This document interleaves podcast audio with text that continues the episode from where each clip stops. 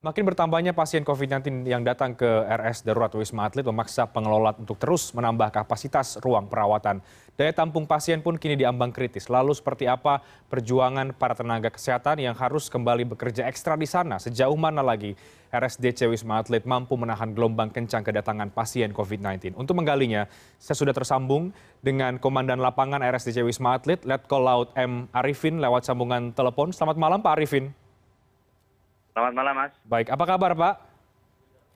Kabarnya sehat. Baik, tetap kabar semangat. Baik, Pak Arifin. Tapi agak pusing, agak pusing ini. Agak pusing dan tetap semangat, mengingat juga ada penambahan uh, pasien yang terjadi di Wisma Atlet ya. Pak Arifin, lonjakannya seberapa signifikan? Ya, ini seminggu terakhir ini sangat signifikan sekali, bahkan angka 661 yang seharian masuk di UGD itu adalah angka tertinggi sepanjang rumah sakit ini berdiri. Hmm. Oke, dengan Jadi kondisi memang- ini, Ya, ya silakan Pak Arifin dilanjutkan. ya jadi eh, lima hari ini memang banyak sekali yang masuk memang ke rumah sakit darurat Wisma Atlet Kemayoran di UGD kita 500 lebih rata-rata tiap hari lima hari selama seminggu sepekan ini dan kemarin terakhir 590 hampir 600 itu sudah sudah kita lakukan pengereman ya. artinya eh, yang karena sudah tahu malam itu sebaiknya besok dikirimnya. Udah kita atur juga sebenarnya. Tapi kan di lapangan juga puskesmas juga mereka kesulitan kadang-kadang janjian dengan bis sekolah kuning itu kan yang biasa nganter ke tempat kita. Jadi mengepaskan waktunya mereka juga susah. Jadi kalau diatur bergelombang-gelombang mereka sekalian aja dok. Ya, gitu kan. Ke call center juga menyampaikan seperti itu ya sudah kita kita beri apa kita beri eh, apa waktu untuk mengirim.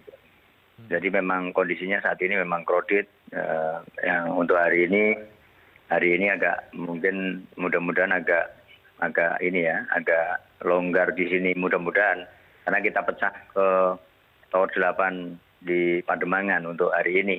Tadi Pademangan juga sore tadi terpantau sangat padat sekali sampai malam ini juga banyak yang mengantar ya. Baik. Eh, kondisinya crowded tadi menurut Anda. Persisnya sudah mulai sejak kapan, Pak? Kondisi eh, naiknya pasien yang masuk ke Wisma Atlet ini mulai bertambah? Ya kalau mulai bertambah kan satu minggu setelah lebaran sudah mulai bertambah. Kita pernah di angka terendah di 15 persen tanggal 18 Mei itu. 900 pasien kita eh, ada waktu itu kita rawat. Namun setelah itu seminggu setelahnya naik, naik, naik sampai paling drastis memang seminggu terakhir ini paling tinggi sekali naiknya menukik dan masih stabil eh, enam hari ini sampai sekarang ini. Ya mudah-mudahan eh, nanti dengan adanya tower 8 ya ini pemecahan konsentrasi tidak terlalu kredit yang ada di tower 6, tower 4 maupun 5 yang Wisma Atlet Kemayoran. Namun, namun eh, memang kita sudah sampaikan juga ke puskesmas seluruh DKI Raya memang kriteria yang diterima di Wisma Atlet Pademangan di Tower 8 adalah pasien tanpa gejala dan pasien gejala ringan non komorbid itu yang di Tower 8. Sedangkan di Tower eh, 4, 5, 6 dan 7 yang ada di Wisma Atlet Kemayoran atau yang dirujuk ke sini mulai hari ini tadi memang kita sudah tidak menerima orang tanpa gejala atau asimptomatis. Jadi yang diterima di sini hanya orang yang bergejala ringan dengan komorbid, gejala sedang eh, ataupun gejala berat yang memang tempat lain sudah benar-benar tidak mampu menampung dan di sini pas kebetulan kalau ada. Jadi kalau saat ini juga isu kita juga banyak yang eh, lumayan juga yang terisi mulai penuh kembali seperti bulan Januari yang lalu. Oke, oke.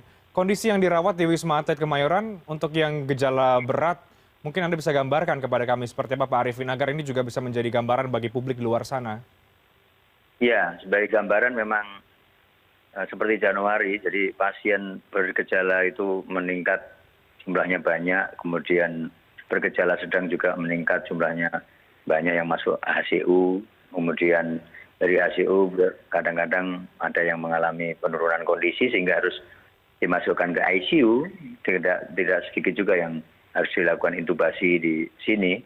Ini artinya eh, pasien dengan kondisi masuk kondisi kritis ya kalau sudah diintubasi seperti itu. Jadi sebagai gambaran kepada masyarakat memang kondisi saat ini adalah seperti mirip-mirip seperti Januari eh, tanggal 24 gitu ya, mengalami puncaknya kita dan Januari minggu keempat. Pokoknya selama bulan Januari kita mengalami angka mortalitas yang paling tinggi sepanjang rumah sakit ini berdiri. Hmm. Jadi setiap hari waktu itu ada yang meninggal dua, tiga, bahkan pernah sehari itu sampai empat. Jadi, jadi itu yang terjadi waktu Januari. Yang mudah-mudahan untuk bulan ini, Juni ini tidak terjadi yang seperti bulan Januari. Namun memang faktanya ya, memang angka mortalitasnya seminggu kemarin juga naik. Nah, kemarin ada seminggu kemarin ada tiga orang yang meninggal di sini. Oke, baik uh, Pak Arifin, ini uh, mungkin ini seperti apa yang terjadi di bulan Januari ya tadi Anda katakan. Uh, dari yang terjadi di bulan Januari, sekarang mungkin sekarang sedang menuju ke arah sana, tapi tentu kita berharap tidak demikian. Tapi kita bicara kemungkinan paling buruk. Artinya yang sekarang relatif kemudian sudah bisa uh, belajar dari yang kemarin ya Pak. Artinya sekarang sudah relatif bisa melihat dan memetakan situasi terkait dengan kapasitas ya di Wisma Atlet atau bagaimana? ya sebenarnya kalau memetakan situasi sudah dari dulu dipetakan kan.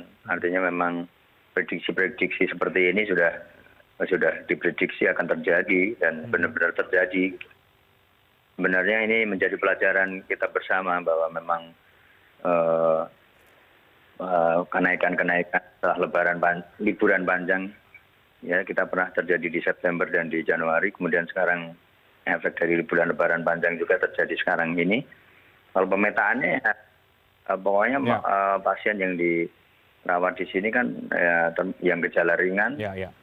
komorbid seperti itu gejala sedang naik Baik kemudian yang di gejala berat juga naik sehingga angka kematiannya meningkat gitu aja. Baik Pak Arifin terakhir apa yang ingin Anda sampaikan Pak kepada masyarakat khususnya di DKI Jakarta ya karena kemudian ini kasusnya meningkat cukup signifikan Anda juga tadi paparkan bahwa uh, yang masuk ke Wisma Atlet juga ini lonjakan cukup drastis. Apa yang ingin Anda sampaikan Pak?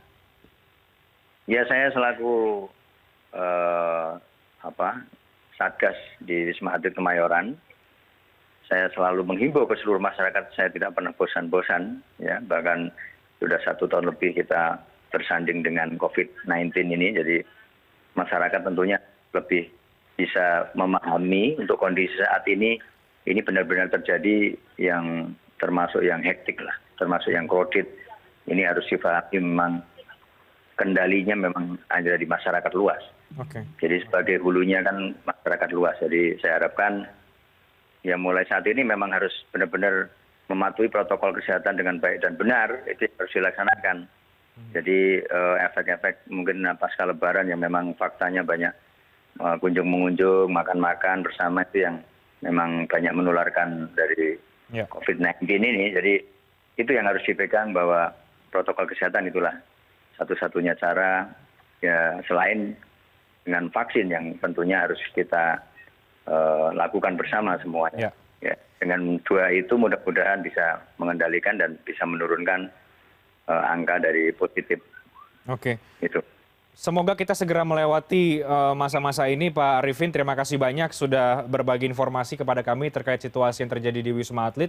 Uh, tetap semangat untuk Anda dan juga semua uh, tenaga kesehatan yang saat ini bekerja dan juga bertugas di sana. Terima kasih banyak, Letkol M. Arifin.